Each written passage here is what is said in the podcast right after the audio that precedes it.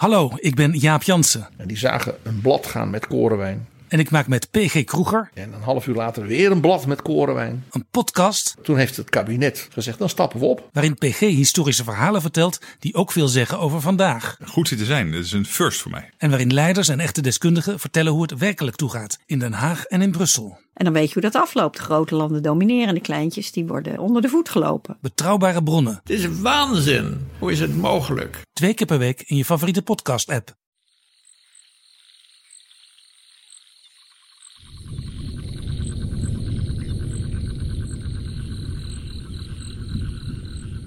Het is ineens stil geworden in het woud. Alleen de krekels hoor je nog.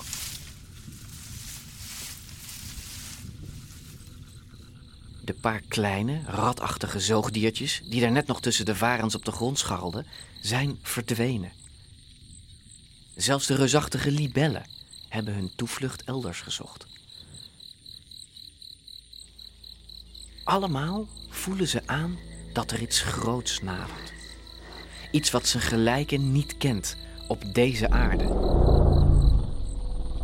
Een heerser, een koning, een vrede tiran. Die alle andere dinosauriërs doet sidderen van angst en met zijn reusachtige kaken alles. Ho, laten we even stoppen.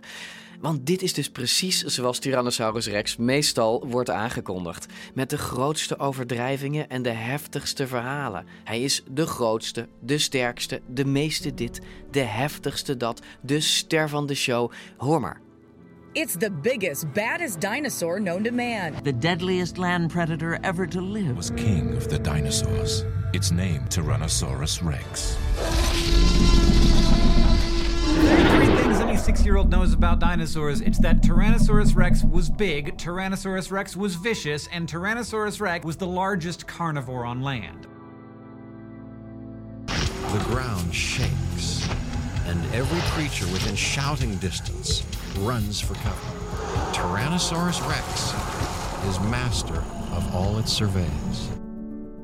Ja, de heerser over al zijn dienaren. Ik snap best waar de opwinding vandaan komt. T-Rex is de bekendste dinosaurus van allemaal en ik denk ook de populairste.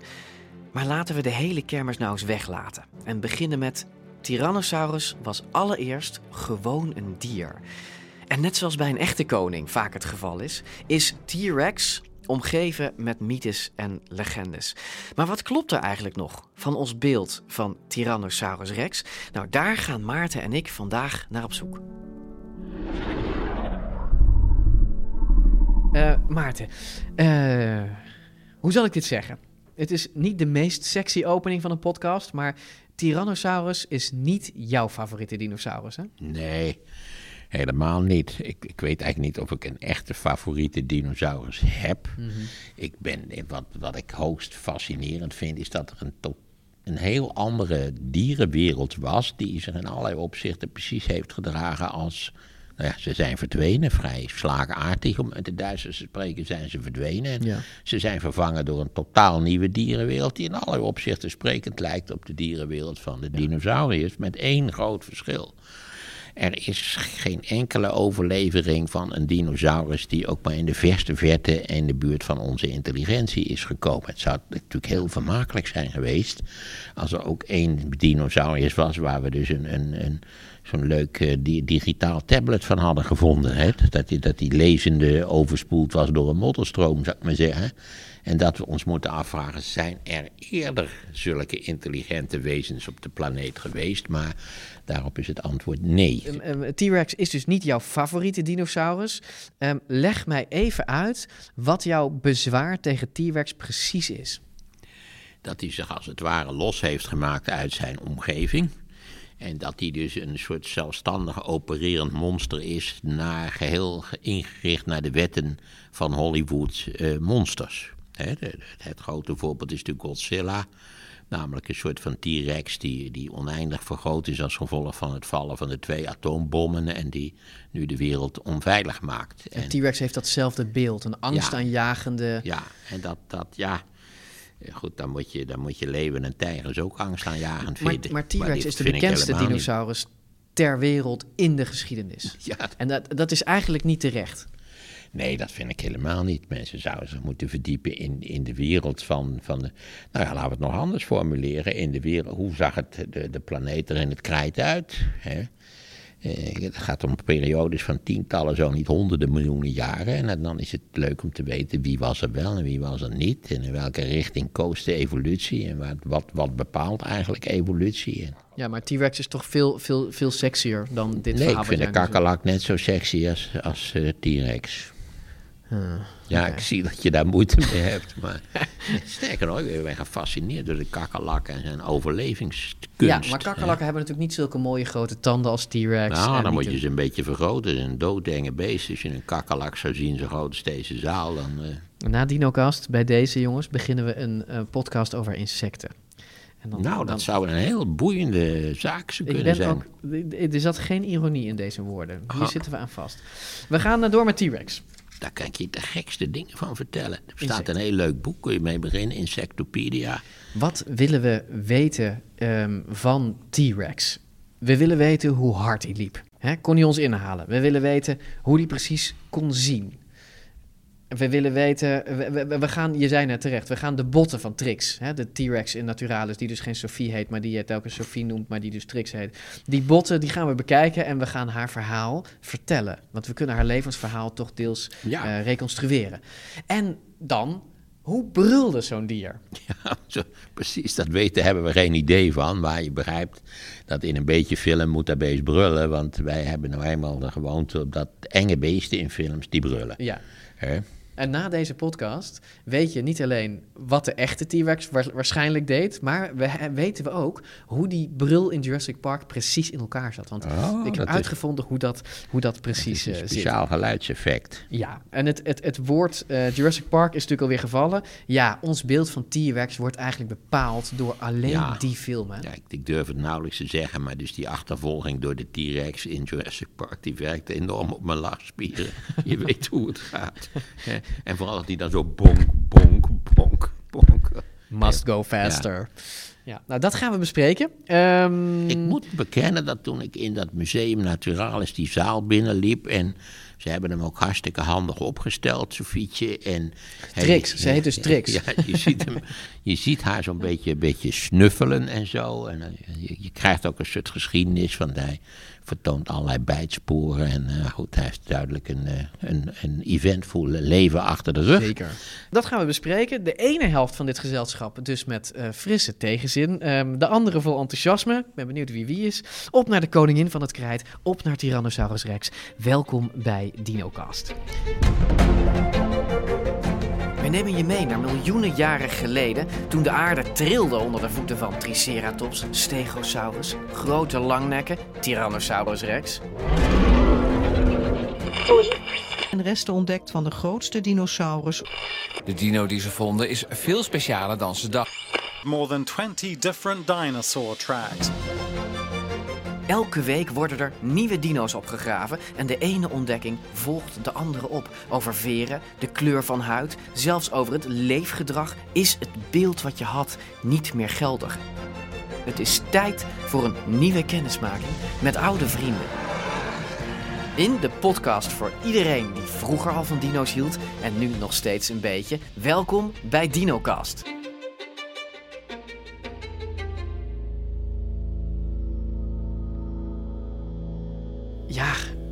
Maarten. Wat een Ja. monster, hè? Ik, Het ik, is een monster, maar ik vind het een adembenemend gezicht. Als je, als je voor zo'n T-Rex staat, wat we nu doen, en, en je kijkt in zijn oogkassen en je denkt erbij na dat deze ogen, zeg maar 66 miljoen jaar geleden, echt iets gezien hebben. Het, het, eh, dat, dat blijft je overvallen. Mij in elk geval, als ik hier, als ik hier binnenkom lopen in Naturalis. Ja, nou ja, aller- allereerst, je zit er nu recht voor en je zegt als hij je aankijkt, en dat is ook precies wat dit beest zo bijzonder maakt. Hij heeft echt een stereoscopische blik, met de ogen die naar voren kunnen kijken. Echt een roofdier, de diepte kan inschatten en dat eh, Ja. eh, kijkt, je, kijkt, je, kijkt je recht naar voren aan. Je kan het beest in de ogen kijken. En daarom, daarom hebben we ook het beest zo gemonteerd hier in Naturalis. Want ik wou dat je oogcontact kon maken met het, met het fossiel. Dus niet die schedel daar heel erg op drie, vier meter hoog te monteren, maar juist bevroren in een soort van duikende houding. Ja, we staan samen met Anne Schulp bij Trix de T-Rex, zoals ze haar bij Naturalis hebben genoemd. Hoewel Maarten haar dus koppig blijft aanspreken met Sofietje. Ja, het klinkt allemaal schattig, maar 66 miljoen jaar geleden was er weinig schattigs aan deze volgroeide, bijna 12 meter lange Tyrannosaurus rex. Trix leefde in het krijt, het laatste staartje van de dino-tijd. En ze liep, zoals alle andere T-Rexen, rond in Noord-Amerika. Dat toen bestond uit twee reusachtige eilanden, doorsneden door een ondiepe tropische binnenzee. En Trix moet zich daar uitstekend hebben thuisgevoeld. Want ja, echte rivalen had ze niet. Andere vleesetende dinosauriërs waren veel kleiner dan zij. En grote planteneters waren er genoeg. Hè. Ze heeft zich vast gevoed met Triceratops of de ene snaveldino Edmontosaurus. Ja, in zo'n tropische en vulkanische omgeving leefde en stierf Trix. Ze lag 66 miljoen jaar onder het zand in Montana, totdat Anne Schulp en zijn team haar dus opgroeven. En zo klinkt een verkoude, maar beheerst triomfantelijke Anne Schulp. Dit is uit 2013, als ze haar aan het opgraven zijn. We hebben hier op deze opgraving in de afgelopen dagen een eh, behoorlijk deel van het skelet van een Tyrannosaurus rex opgegraven. De schedel, dan even helemaal niks. En daar opeens nog een heleboel andere botten. De heup, een paar botten van de rug, ribben, rugwervels. Een behoorlijk complete staart inmiddels. Meer dan 20 staartwervels. Die schedel die is fantastisch bewaard gebleven. Die is prachtig. Wat je meestal hebt, als die, zeker als die fossielen in een, in een wat kleiiger gesteente terechtkomen, dat kan wat samendrukken. En dat betekent dat niet alleen het gesteente samendrukt, maar dat die botten daarin meegenomen worden en scheef gedrukt worden, vervormen. Dat is niet het geval in zand. Al die zandkorreltjes die zijn hartstikke stevig, die kunnen niet verder samendrukken. En dat betekent dat die botten nog perfect 3D, driedimensionaal in de oorspronkelijke vorm bewaard gebleven zijn. Dat is natuurlijk fantastisch als je dat skelet straks ook wilt opzetten. Als je dat wilt monteren. Want ze hebben hun oorspronkelijke vorm nog. Je hoeft niks meer te, te corrigeren. Geen dingen die niet meer passen of wat dan ook perfect bewaard gebleven. Je zegt al, de ogen zitten voor in zijn kop. Hè? Dus T-Rex um, um, kon in de film Jurassic Park kon hij niet zien. Hè? Dan, dan, dan zeggen ze, sta heel stil, want dan ziet hij ons niet. Oh, hij ziet um, geen beweging. Ja, hij ziet natuurlijk, volgens mij zag hij ontzettend goed. Um, nou ja, als je, als je ook kijkt naar de, de afmetingen van de ogen, de ruimte die er is in de oogkassen, maar ook wat er aan ruimte is aan die, aan die elementjes rondom de pupil. Mm -hmm. Het zijn behoorlijk forse ogen. En ook voor de verwerking van de visuele informatie zit uh, in het brein een, een behoorlijk stuk uh, ruimte. Want we hebben van, ook van deze T-Rex een uh, CT-scan gemaakt, een driedimensionale röntgenscan. En daarmee dus ook de vorm van de hersenholte in beeld gebracht. En je kunt daar precies zien, daar komen de, de optische nerves, de, de, de gezichtszenuwen binnen. Daar komt de geurzenuw naar binnen. Uh, daar hebben we de zenuwen voor de verdere besturing van de rest van het lichaam. En uh, daar zit dus ook de ruimte voor die functie. In, en dit hier kon dus eigenlijk heel goed zien, heel prima, goed ruiken prima ook. visueel. Er is, goede, er is behoorlijk wat ruimte ook voor de olfactorische lob, zoals we dat noemen. Het stukje waar geurinformatie verwerkt wordt. En... Uh, uh, ja, op zo'n manier kun je een klein beetje iets zeggen over, um, over van waar liggen de accenten van de talenten van zo'n uh, van zo'n dino. Ja, en die talenten die lagen dus op het gebied van kijken en ruiken. Maar was hij nou ook slim? Maarten heeft er weinig vertrouwen in als hij het 3D-geprinte hersenmodel ziet dat Anne nu uit zijn binnenzak vist. Inderdaad, uit zijn binnenzak. Zo klein zijn die T-Rex hersenen dus. Ja, je kunt toch zien dat dat niet 1, 2, 3 in Shakespeare oplevert. Nee, er zit, geen, er zit niet, niet heel veel. Uh, ja, je bent toch verrast dat voor de besturing van zo'n enorm mechaniek. Ja, dat je met dit piepkleine systeempje ja. de zaak op de, op de rails kunt houden. Wat trouwens nog wel interessant is, is dat de, de hersenen van, van vogels die werken een heel stuk efficiënter. Ja, dat heb ik begrepen. Er zitten dat veel kleinere, dat snellere, ja. uh, energiezuinige neuronen in. En dan heb je dus met, uh, met veel kleinere hersenen toch dezelfde processorcapaciteit. Ja, en dat is ook alles, alle drie de onderdelen van die hersenen ja, gebruiken. Dus ook kauwen en, en, en roeken, raven en zo. Dat zijn allemaal vreselijk slimme, vreselijk slimme beesten. Ja, ik heb eergisteren een raaf gezien.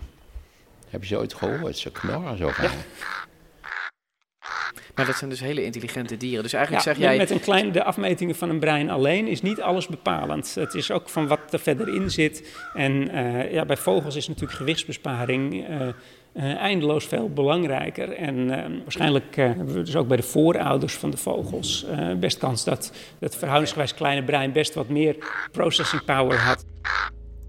Ja, terug naar de voorouder van de raaf, Trix, die we immers nog steeds in de dreigend geopende bek kijken.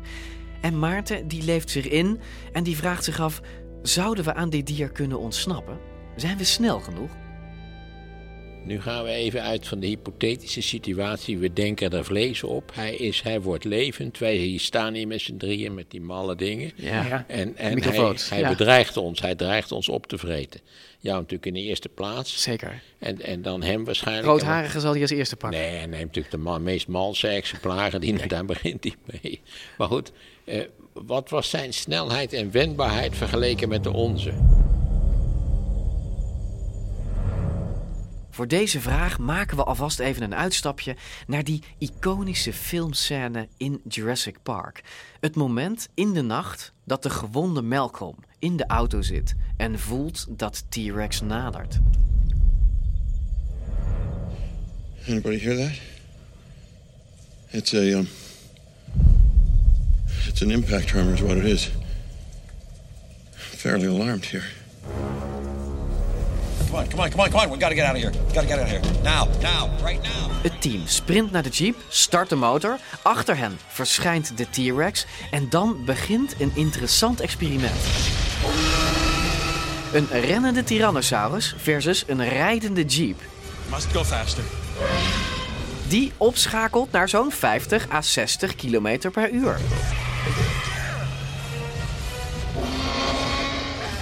Suggestie van 60 km per uur. Dat is Ja, ook dat is fors, enthousiast opgepakt in, in, in Jurassic Park, in die Ja, eerste want, die- film. want hij haalt met gemak een jeep in, eigenlijk. Ja, ja, ja, nou dat is misschien een beetje wild. En de eerste hoofdwet van de biomechanica is big things don't move fast. Oké, this is very big, so it cannot move fast. Ja, en, ehm, Hoe hard zou die wel hoe kunnen? hard zou die wel kunnen? Nou, nou dat is, dit is een heel leuk voorbeeld van waarbij een hele hoop wetenschappelijk onderzoek eigenlijk getriggerd is door die eerste Jurassic Park film. Want eh, daar, zijn, daar zijn, zijn, zijn mensen op gestort. En er zijn dus allerlei spiermodellen gemaakt. We Hm. kennen nu eindelijk een paar pootafdrukken waar we de pasafstand hebben. En bij die pasafstand heb je natuurlijk een bepaalde ehm, eh, hoek en snelheid. Die kun je dan ook weer reconstrueren. Ehm, en eh, ik heb eh, onlangs met, eh, samen met de faculteit bewegingswetenschappen van de VU een, een ongelooflijk leuk en enthousiast bachelor-studentenproject eh, mogen begeleiden. waar we ook gekeken hebben naar wat eigenlijk de optimale wandelsnelheid van een T-Rex is. Dus bij welke stapfrequentie ehm, het beest het meest economisch gelopen heeft. Dus en dan heb je het over snelheden van een paar kilometer per uur dat hij het meest efficiënt loopt. Een paar En kilometer paar per kilometer uur. per uur. Kilometer per- dat is ongeveer ja, mijn wandelingetje, wandeltempo. wandelingetje, wandelingetje in het park. En de topsnelheid. Het idee is nu toch wel dat je op de fiets met gemak eh, voor kon blijven. Met, op de fiets? Dan moet ik zeggen, de fiets, dat is een vrij rekbaar begrip. Want we weten allemaal dat ze in de Tour de France in de finale fase vaak 60 km per uur doen. Dat zal het dus niet geweest zijn. Nee, maar, eh, iets boven de 20. Je eh, denkt aan mijn fietstempo. Iets boven de 20 ben je veilig. Maarten, er is hoop. Oké, gooi die mythe van die sprintende T-Rex, die zijn kop tegen de zijkant van zo'n jeep knalt, gooi die maar overboord. Het is allemaal onzin. Ze hadden dus net zo goed de fiets kunnen nemen. Goed, na dit ontnuchterende feit zijn we benieuwd naar iets anders. Anne heeft dit dier Trix genoemd, een naam die je meestal aan vrouwen geeft. Maar weet hij dat eigenlijk wel zeker? En hoe dan? En wat heeft dat met haar lange benen te maken? De linkerpoot die hebben we niet eh, teruggevonden. De rechterpoot wel. Daar hebben we dus een, prachtig, eh, een prachtige achterpoot. En dat is dan ook direct het antwoord op de vraag van... hebben we hier nou met een mannetje of een vrouwtje te maken? Ehm, dat weten we niet zeker. Ehm, maar we hebben wel eh, gezien dat van de Tyrannosaurussen die tot dusver zijn opgegraven... het eigenlijk wel opviel dat die in een, wat, in een versie met een wat robuustere botten kwam... en een versie met ja, de, dan de graciele, de, de, dunnere, de dunnere botten... En ja, het is dat idee een is andere dan, soort, zou dat dan seksuele dimorfie zijn? Als ze Oh, verder oké, wel van het zouden de vrouwtjes kunnen ene- wezen. Ja, dat dat verschil tussen de mannetjes en de vrouwtjes is. Nou, Dan is natuurlijk de vraag van, hebben we die met de grote botten, zijn dat dan de mannetjes of juist de vrouwtjes? Nou, bij heel veel zoogdieren zijn meestal de mannetjes een tikje groter. Maar bij heel veel vogels zien we juist het omgekeerde. Het kan zelfs vrij extreem. Bij de woestijnbuizerd is, uh, zijn de dames uh, zowat anderhalf keer zo groot als de heren.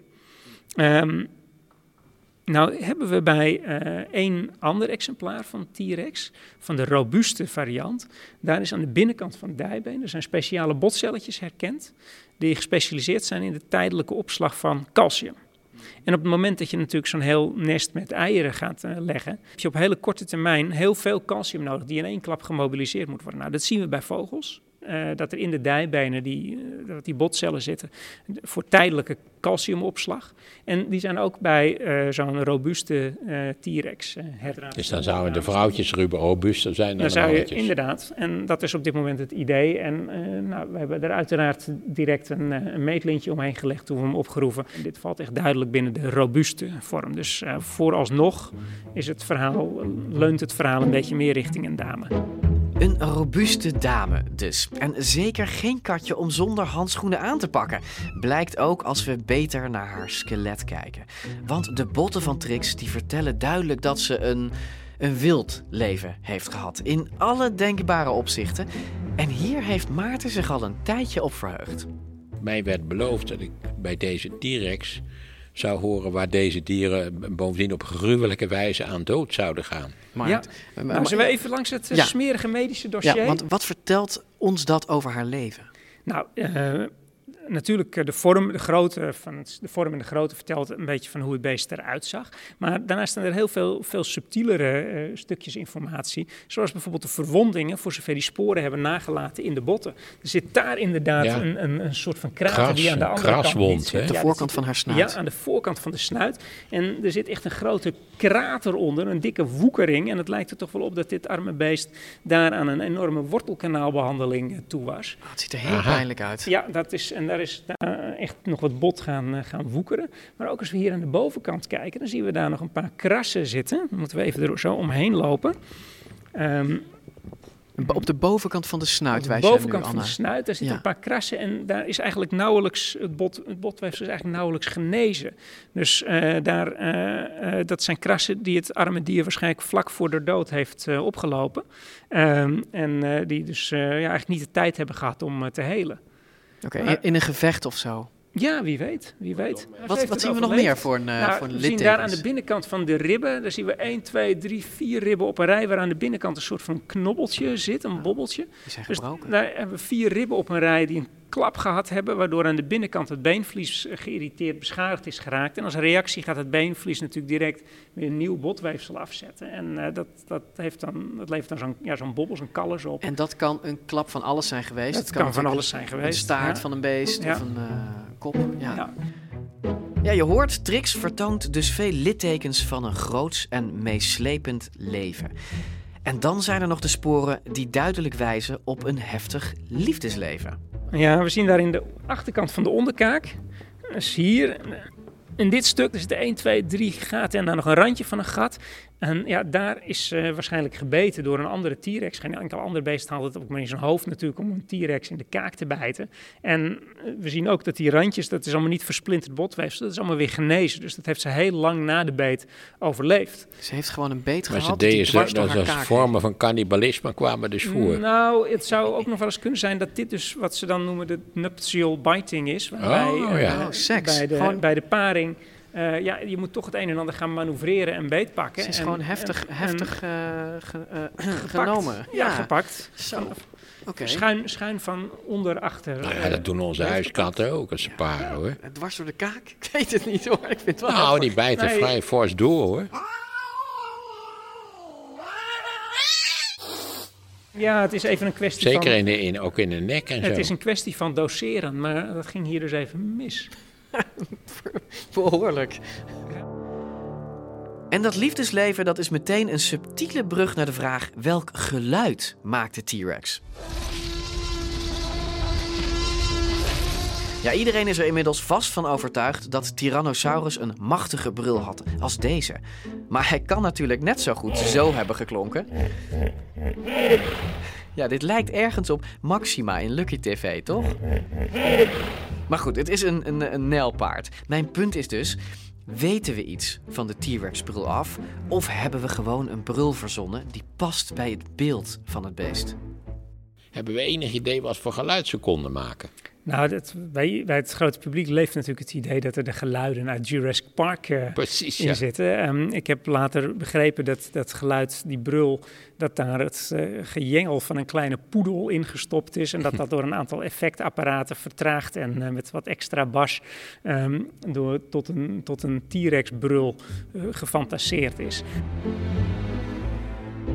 Nou, Anne, het was iets gecompliceerder dan dat. De geluiden van de T-Rex in Jurassic Park zijn gemaakt door audiotechnicus Gary Ridstrom. Inmiddels een ware legende, die man. En het grommende geluid van de Rex is niet afkomstig van een poedel, maar het is het vertraagde geluid van Buster, de Jack Russell Terrier van Gary. Een hondje dus. Ja, als je het weet, dan hoor je het. En dan die fenomenale brul, die zo bekend is dat ieder kind zelfs weet dat het een T-Rex is die je hoort. Ja, dit is een mix van hele verschillende dierengeluiden. Waaronder een blazende walvis, vertelt Ridstrom hier aan audiovloggers. Luister goed. And then whale. I didn't get much vocals from a whale they liked, but their blowhole made good breathing for the T-Rex. Alligator, low frequency, really low. So hear how it'll be the low frequency element of the final roar. This is the line which I used for the attack. I tried not to use this, but I had to. It's too good. Oké, okay, walvis, alligator, leeuw. Maar wat is dan zijn, zijn secret ingredient? Wat maakt die brul nou zo kenmerkend? En dat blijkt het geschreeuw te zijn geweest van een babyolifantje. Here it is by itself, the little cute baby elephant and the high-pitched scream that it made. That was a baby elephant. So now see how that blends with the rest.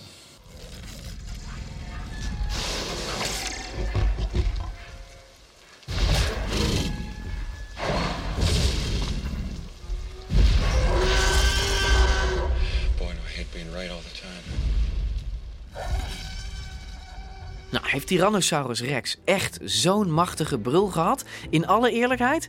Anne denkt van niet eigenlijk de afstammelingen van de vleesetende dinosauriërs, dat zijn de vogels. En je zou dus uh, voor inspiratie uh, eerder bij de vogels uh, moeten kijken.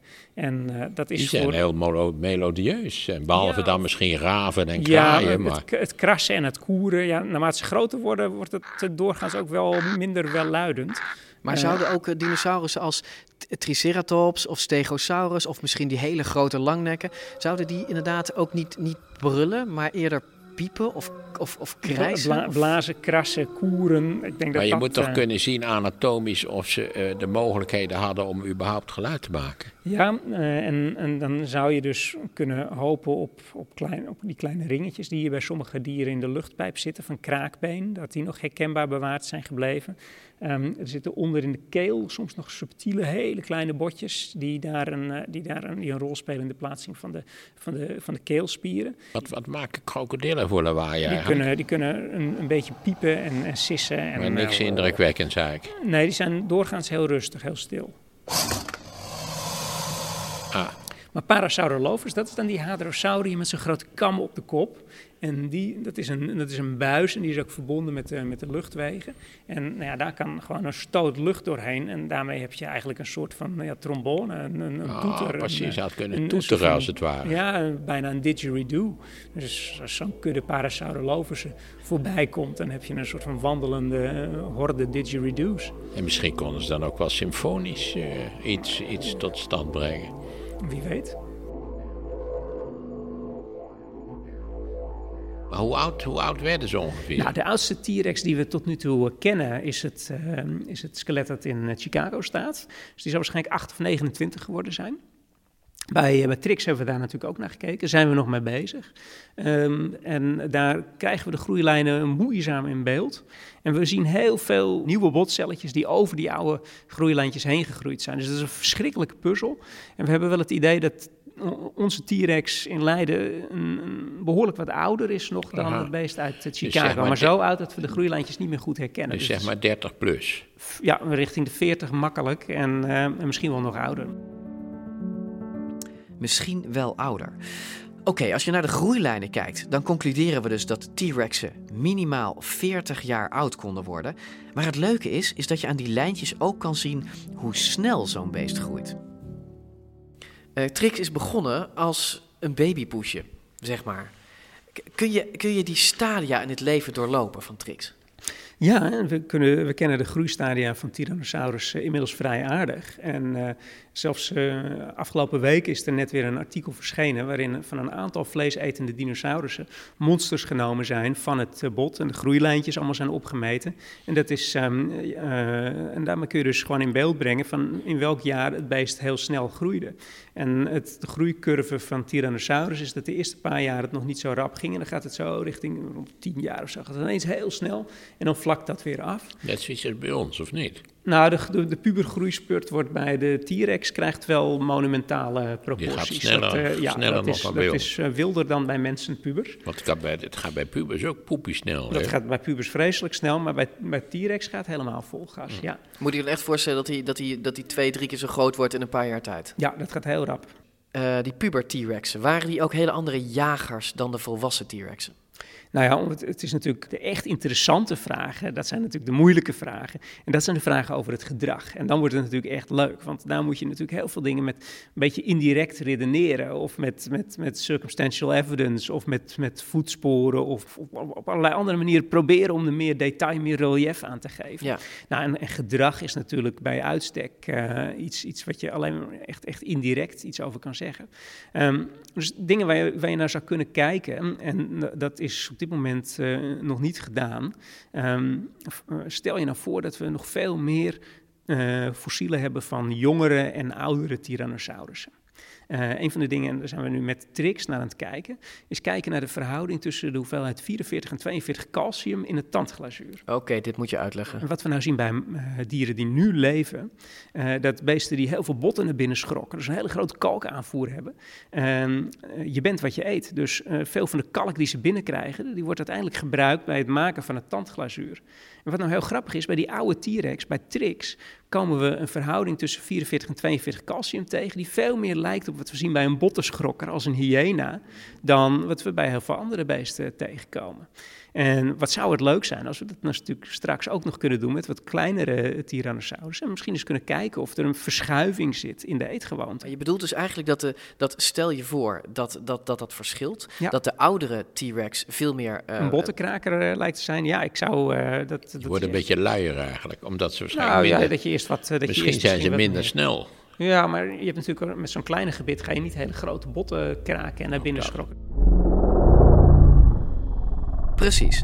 Uit onderzoek blijkt dat jonge rexen heel anders geconfigureerd zijn dan de oudere. Aan de ene kant missen ze dus de bijtkracht om botten te versplinteren, nou, dat hoorde je Anne net zeggen. Maar aan de andere kant wegen ze nog niet zoveel en kunnen ze waarschijnlijk veel sneller lopen. Dus grote kans dat pubers heel anders hebben gejaagd dan de volwassen T-rexen.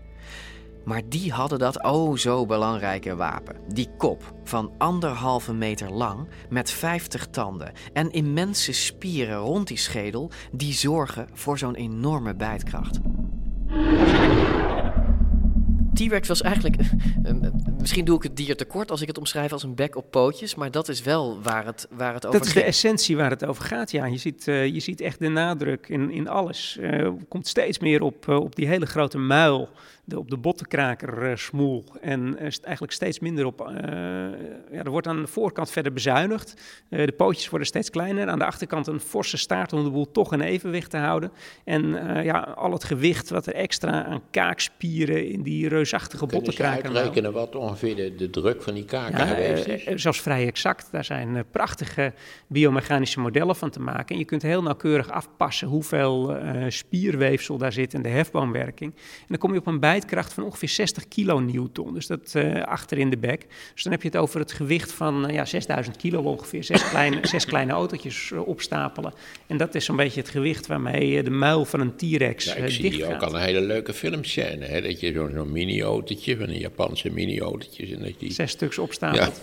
Ja, Dat die dan dwars de midden gebeten worden. Maar dat kan dus. Hij kan zo'n autootje dwars door midden bijten met die uh, nou nee, ik bedoel het andersom. Het gewicht van zes kleine autootjes die drukken op één zo'n tand. Dat is de bijtkracht. Zes, ja. Het gewicht van zes kleine autootjes, 60.000 newton ongeveer. Maar als ik dat het omreken, dan zou die volgens mij uh, gewoon door het dak heen gaan, zeg maar. Met ja, die, die bijt daar wel, die bijt, die bijt gewoon... En die, die voorpootjes, um, je zegt daar, daar werd op. Uh, die, ja, dat werd ja, hele... die doen niet meer zoveel. Hè. Die hebben, het voorpootje van een T-Rex is net zo groot als mijn voorpootje, maar ik ben geen 12 meter. Wat was het gewicht als ze eenmaal echt volwassen waren? Er zijn wel verschillende reconstructies gemaakt. En dan moet je ook kijken van hoeveel van die uh, holtes en luchtzakken neem je erin mee. En een beetje afhankelijk van welke onderzoeker je het vraagt, kom je tussen de 5000 en de 7 of 8000 voor echt een grote volwassene. Ik reken ja. op 5, 6, 7000 kilo. Ja, 6 ton valt me toch mee. Ja, maar licht, licht gebouwd. Hè? Het, is, uh, het, is, het, is, het is en blijft wel een soort van hele grote vogel. Het is echt een reuzenpino. Uh, ik had zo'n roze reuzenkoolmees. Ja. Ja, met wie spreek ik? Met, met, met mij, met mij. Met mij, wie is mij? Ik ben een Pino. Oh, Pino, ben jij dat? En wie aan Pino denkt, denkt aan veren. Niet zo'n raar idee, want op verschillende Chinese voorouders van Tyrannosaurus, daar is een veerachtige bedekking op gevonden. Hoe zit dat met Rex zelf? Als je het geluk hebt dat zo'n Tyrannosaurus doodgaat en gefossiliseerd raakt in een heel fijnkorrelig gesteente, uh, en ja, dan heb je kans dat er huidafdrukken bewaard blijven, in, in, echt in het detail dat je nodig hebt. Nou, en dat is dus bij één van die T-Rex-fossielen het geval. En we kennen nu van een paar plekjes op de huid van T-Rex, uh, ja, echt de textuur, de structuur van, het, van de huid. En dat hoe ziet die Hele eruit? kleine schubbetjes. Je zou uh, misschien een idee hebben dat het ja, zo'n heel groot beest, dat moet dan ook iets met hele grote krokodillenschubben zijn. Of vanwege de verwantschap met de vogels natuurlijk. Van, je ziet ook plaatjes met dat er een, een, bos veren op de T-Rex zit. Nou, we hebben nu uh, onder andere op de heup een paar plekken. En daar zaten gewoon kleine bobbelige schubben. Uh, en uh, een beetje als een uh, ja, leguanenschubbetjes of zo. Dan, je hebt geen sporen van veren genomen, gevonden of haren? Nee, of nee, maar je hebt natuurlijk ook een probleem. Hè. Als je heel erg groot wordt, dan heb je natuurlijk al heel snel de kans dat je, dat je, dat je proble eerder problemen krijgt met oververhitting. Hele grote beesten die hebben niet een dikke vacht. En, die willen juist graag warmte kwijt. Um, dus een T-Rex die helemaal in een dik bos veren zit, dat lijkt me ook heel onwaarschijnlijk. Maar uh, omgekeerd hebben veren natuurlijk wel een, een, fantastische rol als het gaat in uh, display en in, in aandacht trekken, ja. versieren. Dus het, um, het lijkt mij, uh, het zou mij helemaal niet verbazen als we een, een, keer een afdruk, een stuk bewaarde afdruk van ook pluizen of veren, bijvoorbeeld op de schedel, op de kop van de T-Rex zaten. Ja, een paar, een paar versieringen. Maar dat hebben we nog niet. Nee. Dat hebben we nog niet, dus dat blijft helemaal speculatief. En hebben we enig idee van kleur? Bij Tyrannosaurus uh, niet. We kennen een paar voorbeelden ook van kleur zo langzamerhand. En dat heeft er alles mee te maken dat we nu echt ja, beter grip beginnen te krijgen op uh, um, het herkennen van pigmentdeeltjes onder de elektronenmicroscoop. Um, er, is, er is recent um, een wat blauw afbraakproducten herkend in uh, dino-ijsschalen die mogelijk blauw waren. Je hebt wel vogels die blauwe eitjes leggen. Er zijn nu vogels inderdaad, en ja. die stof kennen we. En er zijn in uh, ijsschalen van dinosaurussen dus afbraakproducten gevonden die uh, heel logisch passen bij zo'n blauwe kleurstof.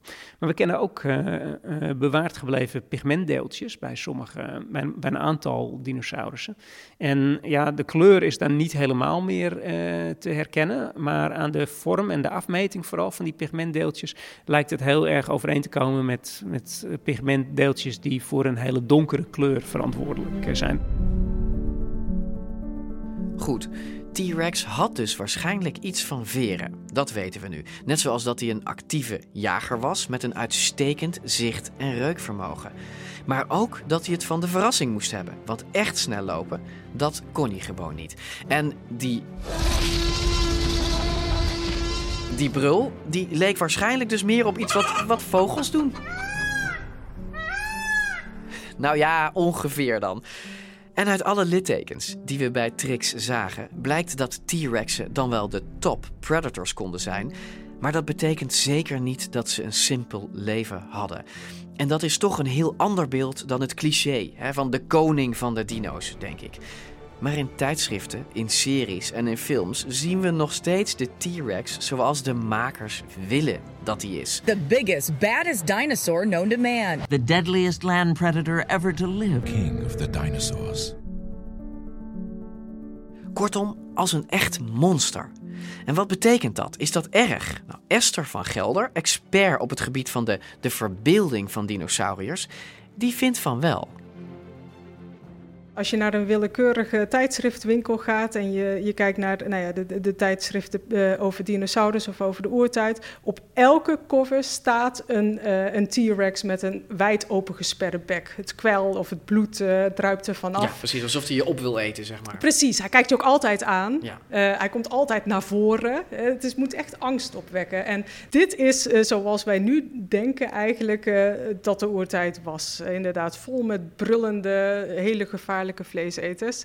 Je ziet niets anders. Uh, je ziet het in films, uh, maar je ziet het ook op filmposters. Ja, je, je ziet er hier vier ja. uit bijna 100 jaar tijd eigenlijk. Het is eigenlijk um, precies hetzelfde. Ja, altijd een vulkaan, een uitbarstende vulkaan op de achtergrond en op de voorgrond een brullende vleeseter. In het begin is nog een Allosaurus, daarna komt de T-Rex en hij bijt de nek door van, de, van een langnek of hij komt echt gewoon op je af. Ja. Uh, in Jurassic World bedreigt hij mensen, maar uh, nou ja, uh, dat, is, dat is eigenlijk het idee gewoon. En, Weet je, je ziet het ook terug in de taal, hè? want het viel me op een gegeven moment op. Wij praten altijd over dinosaurus als, als, als heersers. Ze regeren over de aarde, ze domineren het land. They were the dominant group of animals on the land around the world. They reigned as the supreme land vertebrates. begon al met die Age of Reptiles, het tijdperk van de reptielen, waarin reptielen over, de, over zee en over water uh, heersten. Other kinds of reptiles rule the seas and the air. Uh, en dat is eigenlijk nooit weggegaan. En nu praten we daar nog steeds over. Maar daarmee, wat we eigenlijk doen, is we zien dinosaurussen bijna niet als dieren, nee. maar als, als, ja, als, als monsters, als in ieder geval superdieren. Ja, het zijn, het zijn echt superdieren. Het is gewoon meer dan de dieren die wij kennen. Ja, die een koninkrijk hadden, eigenlijk een heerschappij, waar ook echt geen plek was voor de mens. Waarmee ze natuurlijk ja, nog enger en angstaanjagender worden dan ze waarschijnlijk in werkelijkheid waren. En uh, dat beeld eigenlijk, uh, uh, dat strookt helemaal niet met de werkelijkheid, maar zelfs ook niet met het, met het fossiele bewijs. Wacht even, het strookt ook niet met het fossiele bewijs, zeg je. Dus de T-Rex die ik zie hier overal, die klopt niet met het bewijs. Nee, want uh, wat je vaak ziet, als je er goed op let, is dat, uh, uh, dat die kunstenaars, die hebben tal van trucjes om een beest nog enger en nog monsterachtiger te laten lijken. Hij komt bijvoorbeeld altijd naar voren, hij kijkt je aan, hij wordt extreem verkort weerge, weergegeven, dus het perspectief klopt ook eigenlijk niet. Dus dan worden juist eigenlijk de elementen die, die eng zijn, hè, die enorme kaken, die worden benadrukt. Die de enorme tanden. tanden. zie je goed. Ja. Hè, terwijl waarschijnlijk zou een T-Rex echt niet de hele dag brullend rond hebben gelopen, zodat je zijn tanden zag. Eh, waarschijnlijk heeft hij net als een leeuw gewoon 80, 90 procent van zijn tijd ergens liggen uitrusten. Nee, want hier na, naast die filmposters hangt eigenlijk ook een, een beeld van de Tyrannosaurus rex.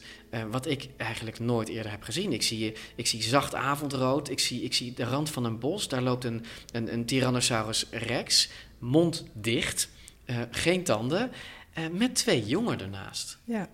Ja, wat, uh, dit is weer een beeld van Mark Whitten, uh, Britse paleokunstenaar. En wat hij hier doet is, ja, ik vind het fantastisch. Dit heb je, zo heb je een T-Rex nog nooit gezien. Nee. Uh, je ziet hem niet naar voren komen. Je ziet inderdaad geen tanden. Je ziet hem van de zijkant. En hij of zij waarschijnlijk uh, loopt door het bos, inderdaad, in het, in het avondrood. de avond valt net. En tussen zijn benen lopen twee jongen, twee kleine T-Rexjes. Waarschijnlijk zijn ze gewoon op zoek naar een goede slaapplek. Iets waar ze gewoon rustig ongestoord kunnen liggen.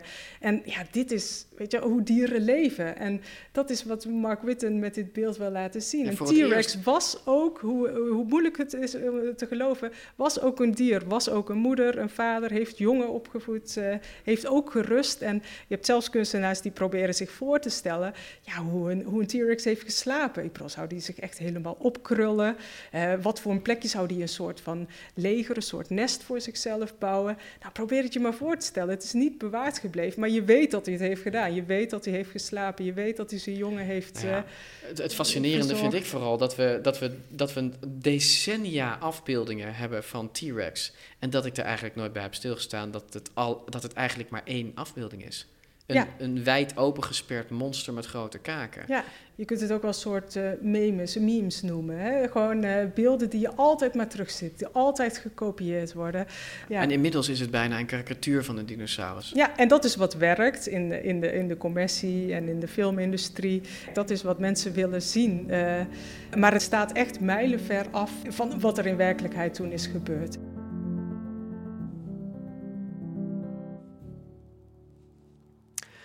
Terug dan naar die werkelijkheid. Met de laatste vraag van Maarten. We hadden het net over T-Rex als, als moeder.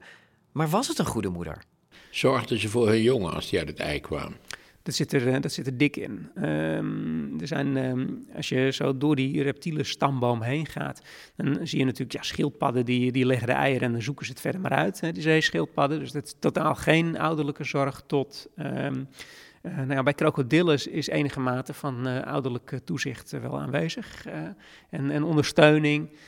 bij vogels hebben ze natuurlijk geweldig, ja. geweldig veel investeren in kleinere nesten waar je heel veel aandacht en heel veel energie in die, in die jongen stopt.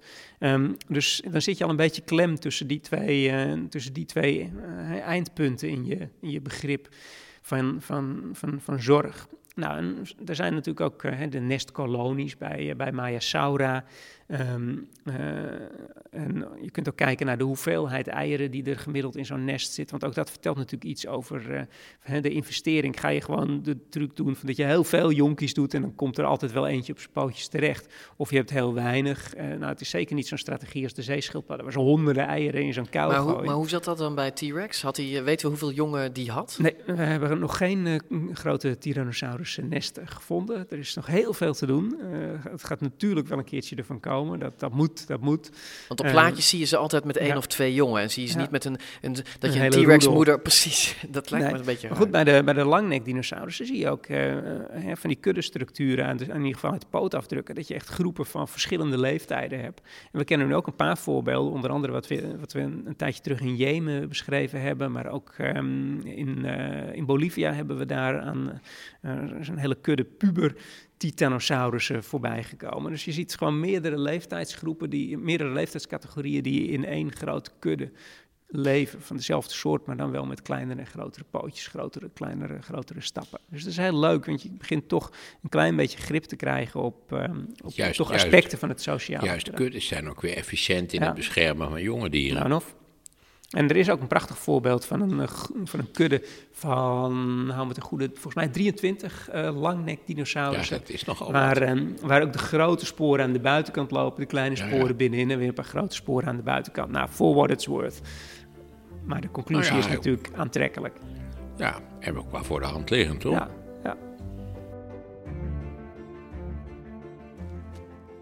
Maarten en ik werpen nog een laatste blik op Trix. En ik realiseer me weer hoe uniek het is dat we in Nederland zo'n complete Tyrannosaurus Rex hebben staan. Maarten is totaal niet onder de indruk. Sterker nog, hij zou Trix, als het kon, meteen verkopen. En dat heeft alles te maken met Stan. Jullie zien hier uh, Stan, de Tyrannosaurus Rex. Een van de bijzondere zaken aan, aan deze Tyrannosaurus Rex is dat hij um, zo goed als compleet is. Hij is heel compleet. Er mankeren maar heel kleine stukjes. The sale of what's believed to be one of the world's most complete T-Rex skeletons, named Stan, was expected to come in around $8 million. But a bidding war at Christie's auction house smashed that estimate. Bidding in London.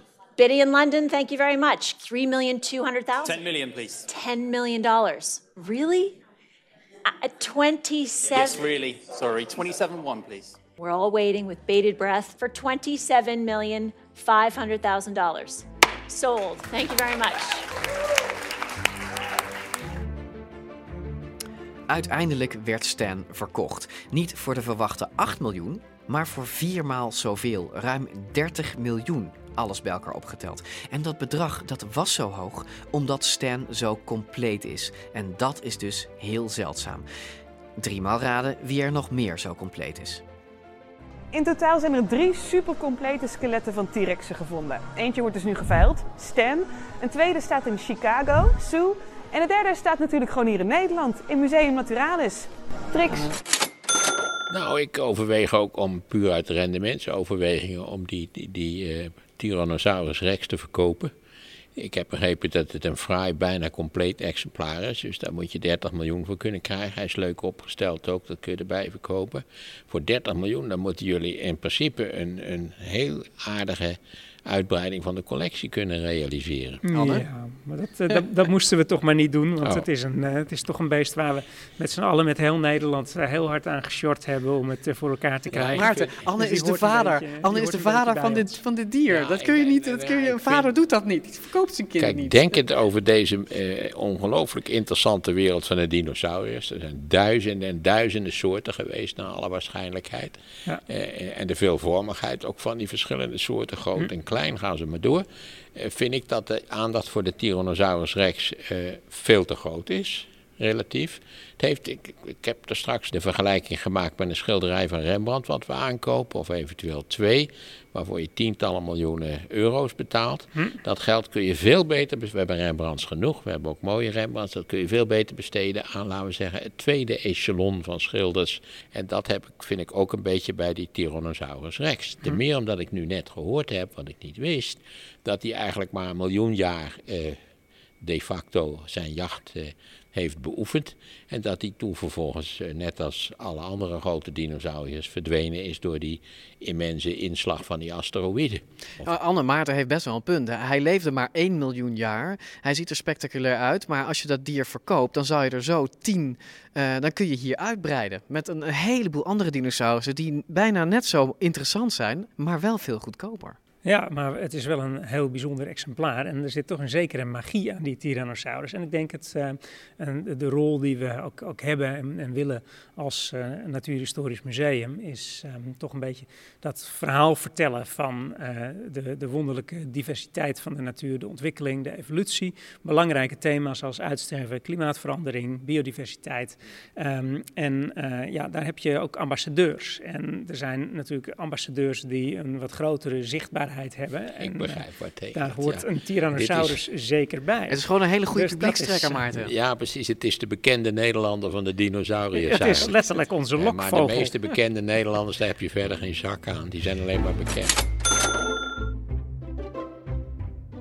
Oké, okay, Maarten, Anne is dus niet om te kopen om die T-Rex te verkopen hè, voor, voor 32, 33 miljoen euro. Zijn ze zoveel waard tegenwoordig? Ja, ze zijn zoveel waard. Ja. Nou ja, dat, ik denk dat er op grote schaal nog naar gezocht wordt en dat er nog wel een paar gevonden worden, denk ik. Maar niet zo compleet. Er zijn twee andere skeletten zo compleet als Trix of Sophie. Um, en Sophie blijft dus voorlopig in, in Naturalis, maar wij niet. Want ook al wordt deze aflevering vrij lang, je hebt toch nog een toetje te goed. Onze review van Jurassic Park. Ja, T-Rex is natuurlijk een van de hoofdrolspelers. Ja, dat kun je wel zeggen, ja. Go ahead, all of you. We're approaching the Tyrannosaur paddock. He's gonna eat the goat? Excellent. What's the matter, kid? You never had lamb chops? I happen to be a vegetarian. T-Rex doesn't want to be fat, he wants to hunt. Just suppress 65 million years of gut instinct. Ilja Nieuwland, ik zit hier met jou. Wij praten um, uh, door over, over T-Rex. En eigenlijk stel je als je, als je nu aan T-Rex denkt, dan stel je dit beest voor uit Jurassic Park. Dus bruin-groen met die magere kop vol tanden, die gebogen mini-voorpootjes, die brullend jeeps achterna rent, kinderen opjaagt. Ja, dat beeld heeft nu eigenlijk iedereen. Ja, nee, dat klopt. Het feit dat mensen daarna T-Rex zijn gaan onderzoeken, heeft ironisch genoeg ervoor gezorgd dat heel veel van die ideeën uit Jurassic Park eigenlijk ontkracht zijn. Ja. Of in elk geval veranderd. Um, uh, heel veel van die, wat je in films daarna ziet, is natuurlijk ook te, da te danken aan het feit dat ze een goed verhaal moesten maken. Een beetje een een logge T-Rex die geen jeeps achterna wil. Ja, daar ga je natuurlijk geen spannende monsterfilm mee maken. Dat snap ik ook wel. Nee, dat is natuurlijk niet sexy. Nee. Laten, we, laten we er even doorheen lopen. Allereerst, uh, ja, Eh, De kwestie van de veren. De kwestie van de veren, ja. Ja, isolatie in dieren heeft ook wel iets te maken met grootte. Dus hoe groter het beest en heel precies hoe minder oppervlakte eh, je hebt ten opzichte van je inhoud, hoe minder het nodig is om te isoleren. Maar we denken wel dat T-Rexen wel tot op zekere hoogte beveerd zijn geweest. Het vervelende is dat het best mogelijk is dat die T-Rexen, die heel klein, al hele kleine dieren begonnen, het moet uit een ei komen. Ja. En een ei is beperkt in zijn grootte. Dus een, de grootste T-Rex kwam uit een ei wat nou zeg maar twee keer een struisvogel-ei was globaal. Want daarboven, je kunt geen eieren maken door door de beperkingen van het ei. Het als- kan fysiek niet. Het kan fysiek niet. Ja. Dus, jij zegt eigenlijk, eh, de kans is veel groter dat kleine T-Rexen meer veren hadden. Laten en we dat zo zeggen. Dat is wel de, wel de beste manier om het te omschrijven. Je moet over, we hebben het over kansen. Eh, we hebben wat eh, afdrukken, voor zover ik weet, van T-Rex huid. Nou, dat ziet er een beetje knobbelig uit. En ik denk zelfs dat de kans dat een volwassen T-Rex totaal beveerd zou is, was geweest niet heel erg groot was. Omdat het strikt gesproken niet nodig is. De olifant is ook niet, niet heel op, uitbundig behaard. Die hebben wel haar, maar is heel dun. De T-Rex van Jurassic Park is echt totaal kaal natuurlijk. Ja. Denk je dat dat bij de waarheid zit? Ja.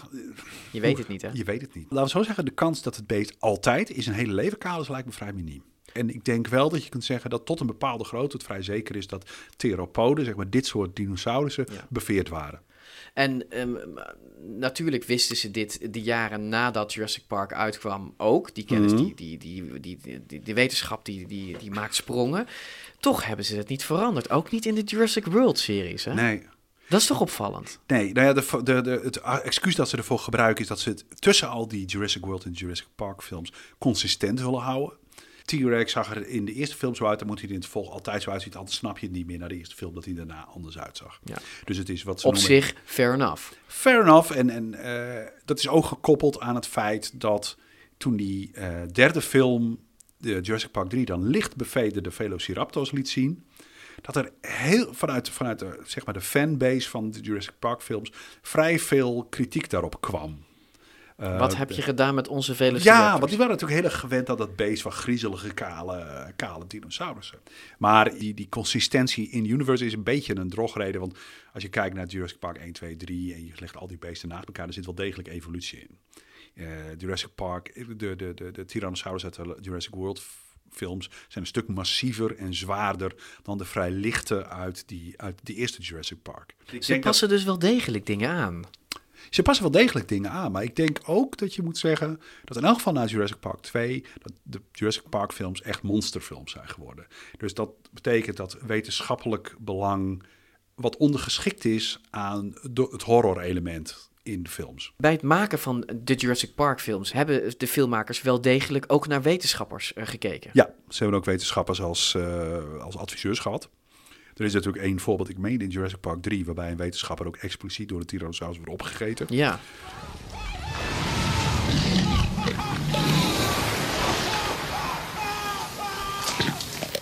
En dat is. eh, de, de meningen verschillen over wie dat is. Dat, ziet er, dat is een wetenschapper die er een beetje uitziet als Jack Horner, een paleontoloog. En een beetje als Bob Becker, een andere paleontoloog. En, en nou ja, er wordt heel veel gespeculeerd over dat dat heeft betekend. eh, en voor zover ik weet is Denk Bob... jij dat ze dat expres hebben gedaan? Nou, dit, dit uiterlijke overeenkomst. Dit is iemand met een cowboyhoed en een baard. En er zijn eigenlijk twee paleontologen die dat beeld heel duidelijk En is dat dan een, een soort vinger van de makers naar wetenschappers van jullie gezeur wel. van de afgelopen jaren? Het zou kunnen dat Bob zich een beetje heeft misdragen. Of dat ze een hekel aan hem hadden gekregen. Op wat voor manier dan ook. Eh, en eh, dat het een soort van opgestoken middelvinger is. Ik weet het niet. Oké, maar ze hebben dus wel wetenschappers gevraagd. Ze hebben advies Ja. gevraagd. Hebben ze die adviezen ook overgenomen? Ik kan me niet voorstellen, eerlijk gezegd. Wat ze hebben gedaan, denk ik, is het proberen om kleinere anatomische, anatomische details zo exact mogelijk te krijgen.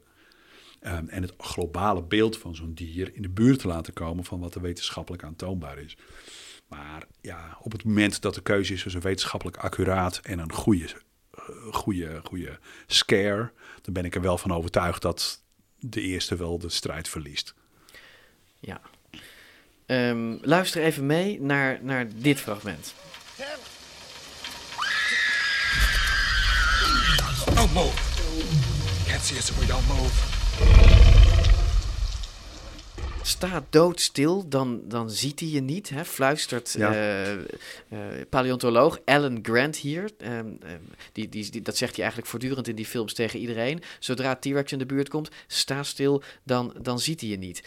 Dat klopt eigenlijk niet, hè? Dit is, ja, dat is een duidelijk een soort van plot device om te zorgen dat er een, een, een, een, ja, een onoverwinnelijke tegenstander is natuurlijk niet interessant. Dat snap ik ook wel. De T-Rex moet ergens zwaktes hebben. Precies. De echte T-Rex kon zijn prooi natuurlijk fantastisch zien. Ja. ja, en ook fantastisch ruiken. Dus dit is ook gewoon, ja, leuk voor het verhaal. Wat jij zegt, de T-Rex moet een zwakte hebben, dat is Ja. spannend. Maar het is niet eh, berust op eh, waarheid. Nee. En, en waarschijnlijk op het moment dat je doodsbang bent, dan stoot je ook allerlei stof uit, waardoor T-Rex je waarschijnlijk geweldig kon ruiken. Zelfs als het regent? Zelfs als het regent. We spoelen even vooruit en eh, eh, even, even letterlijk vooruit. En dan komen we dus bij die beroemde scène met Dr. Malcolm. Gewond ligt hij achterin de jeep, hè? Must go faster. Must go faster. Blijkbaar rijdt die jeep niet hard genoeg, want die T-Rex kan hem inhalen. Ja. Anne hebben we het even gevraagd en eh, die zei dat bewegingsonderzoek uitwees dat we hem eh, met de fiets voor hadden kunnen blijven. Nou ja, ik denk dus, alles hangt af van interactie en de manier waarop die beesten met elkaar omgaan. En, en wat theoretisch is, is niet zo heel erg relevant. Eh, een, een cheetah jaagt bijna altijd op maximum snelheid. Een lui, luipaard jaagt nooit op maximum snelheid. Eh, we weten dat luipaarden een bepaalde snelheid hebben, maar die, ze hebben geen jachtpatroon dat dat nodig maakt. Jij zegt eigenlijk, ook al kun je technisch misschien, theoretisch berekenen, qua spieren, qua botten, wat iets kan, dan wil nog niet zeggen dat dat in de werkelijkheid ook precies zo is gegaan. We weten allemaal als je naar Beekse Bergen bent gegaan, de helft van de tijd, of de helft van de tijd, 99% van de tijd, doen die leeuwen helemaal niks. Die liggen daar een beetje. Ja. Dat doen roofdieren namelijk altijd. 95% van de tijd doen roofdieren niets. Dat maakt natuurlijk niet zo'n hele spannende film. Maar ik denk dat als, je als we inderdaad een realistische versie van Jurassic Park maakten, dan na 1 uur en 20 minuten staat T-Rex dus op om te kijken waar hij honger, voor honger in heeft. En roofdieren moeten dat ook doen om energie te sparen. Ik, ben, ik wil wel stellen dat de T-Rex uit Jurassic Park in de praktijk totaal onmogelijk is, omdat het, het blijk geeft van een energiegebruik wat een roofdier gewoon niet volhoudt. Ja, het enige wat het beest doet is het hele eiland oversprinten, eh, op zoek naar weer iemand om dood te bijten. Ja, en alleen mensen om een of andere gekke reden. Raar, hè? Fascinerend. Ja. Maar misschien zijn we lekker, dat weet ik ook niet. En dan deze even. Kon een T-Rex brullen? Ik zou het niet weten. Brulde een T-Rex heel vaak? Nee. Dat weet ik wel zeker, want als roofdier heb je er toch wel enig belang bij om stil te zijn. Eh, als je naar de natuur kijkt, er wordt niet veel gebruld. Het is meestal relatief stil. En deze T-Rex in Jurassic Park die doet niks anders dan alleen maar de Ja. hele tijd in het rond kijken en brullen. Hè? Ja, nee, precies. Je hebt rond diezelfde tijd heb je die BBC-serie, eh, een BBC-serie gehad, eh, Walking with Dinosaurs, waarbij ook non-stop gepraat wordt. Gebruld. Gebruld. Ik snap op zich wel dat eh, T-Rex brult de hele tijd. Hè? Dat zou natuurlijk kunnen komen als zijn poten verkeerd staan, toch? Dat zou, dat zou zo best pijnlijk zijn geweest, ja. Ze lijken gebroken als je kijkt, want ze hangen je- naar beneden. Hè? Ze hangen naar beneden, ja. En, en, en de, de polsen van, eh van dinosauriërs en, en werken eigenlijk zoals vogelpolsen.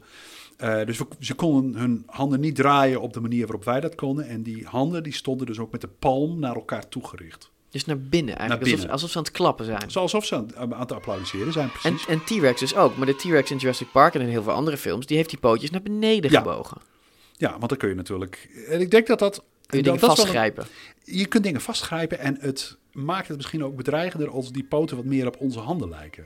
Bovendien, de poten van een T-Rex waren niet buitengewoon indrukwekkend. Dus je moet wel een beetje je best doen om er nog wat van te maken. Ten slotte, Maarten. Ehm, aan het eind. We zijn aan het eind. We hebben er net eh, drie kwartier T-Rex op zitten. Nu je er meer over weet, ben je dan ook positiever geworden over T-Rex? Nee, niet, ik was niet negatief over T-Rex. Nou ja, je was wel negatief over Ik ben negatief over het feit dat hij, dat hij onterecht een, een, een eenzame hoofdrol Nee, maar vind je, die, vind je die hoofd... Laat ik het anders vragen. Vind je die hoofdrol dan nu terechter? Als we dit allemaal weten. Van Nee, niet zo. Als je weet hoe, hoe het gewemeld heeft van alle mogelijke soorten van dinosauriërs, dan vind ik die hoofdrol. Dat er een toppredator is, is ligt voor de hand. Die is hè, ook in de, in, bij de zoogdieren hebben we precies hetzelfde. Eh, Daar heb je ook toppredatoren. Ja. We kunnen denken aan de orka in zee.